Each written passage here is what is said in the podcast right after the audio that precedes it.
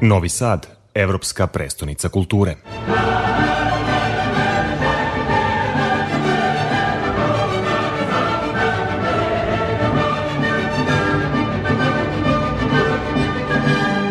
Kada govorimo o programu Evropske predstavnice kulture, uvek se najviše pažnje posvećuje toj svečanoj ceremoniji otvaranja koja je u Novom Sadu zakazana za 13. januar za doček srpske nove godine simbolično. Taj dan, kao što smo čuli, biće u znaku multimedijalne predstave za Niteom avangardnog slovenačkog reditelja Dragana Živadinova. On je najavljen kao najveći umetnički produkcioni projekat u Srbiji poslednjih godina koji će biti prikazan kao sekularni obred. Kako je on zamišljen? I koliko je potrebno uopšte bilo vremena i sredstava za njegovu realizaciju? O njemu se promišljalo mnogo ranije, ali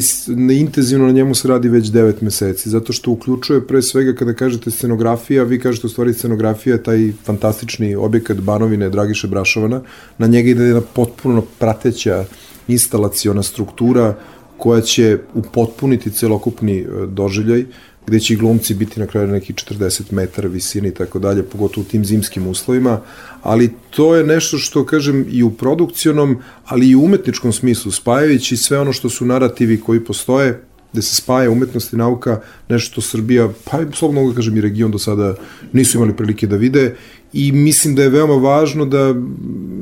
dođu građani, da budu prisutni, da odaju poštu pre svega tim velikanima koji možda nekako olako podrazumevamo, poput Milankovića, Mileve Marić, Einstein, Brašovana, Ljubomira Micića, ali čak i Ljubice Marić, naše prve kompozitorke, čiji će segmenti biti uključeni u tu priču, zatim uključivanje e,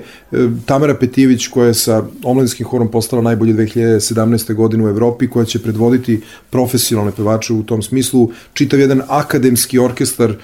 duvačkih instrumenta koji će nastupiti takođe tu, plesača, glumaca, preko 20, dakle sve skupa sa ovim glumcima proslavljenim, to je nešto što moram da priznam da čini mi se da u ovom trenutku verovatno samo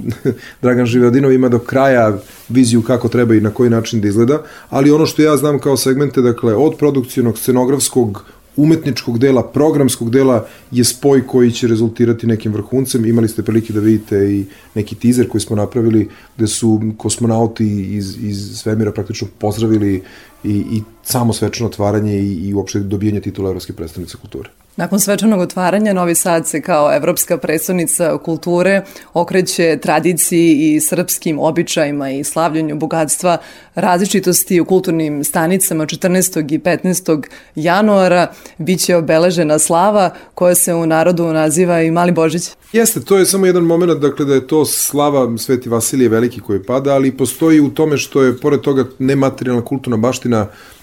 koje je Srbija dala svetu kroz UNESCO uvrštavanje kao nematerije kulturne baštine, postoji jedan specifikum novosadski da na slavu svi su pozvani i ne dolaze vam na slavu Srbi, Hrvati, Mađari, Slovaci, Rusini i tako dalje, nego vam dolaze komšije, prijatelji, rodbina, novosađani i ne samo oni. U tom smislu mi smo vrata otvorili upravo za ono što je nematerna kulturna baština sveta s jedne strane,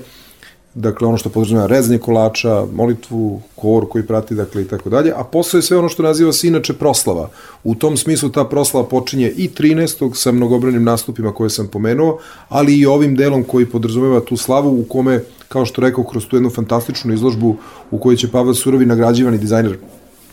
e, iz, iz Kisača i direktor kulturnog centra Kisač predstaviti jedno nasledđe, interkulturno nasledđe različitih nacionalnih zajednica, ali moram da kažem i kulturoloških zajednica, jer dakle, iako će se baviti narodnom nošnjom, ali moram da napomenem to, dakle, te fotografije su zaista njegov umetnički doprinos, jer one nisu e, samo puko predstavljanje nasleđa, koje je veoma značajno, zato što on zaista koristi autentične materijale u svojim fotografijama koje su stare po 100-150 godina, što je izuzetna stvar, ali s druge strane on ih reinterpretira i tumači na samo sebi svojsten način u kome ja ću se usvojiti da kažem jednom karavađavskom igrom svetlosti na jedan potpuno drugačiji način nam predstavlja fantastično nasljeđe Novog Sada, Vojvodine i Srbije.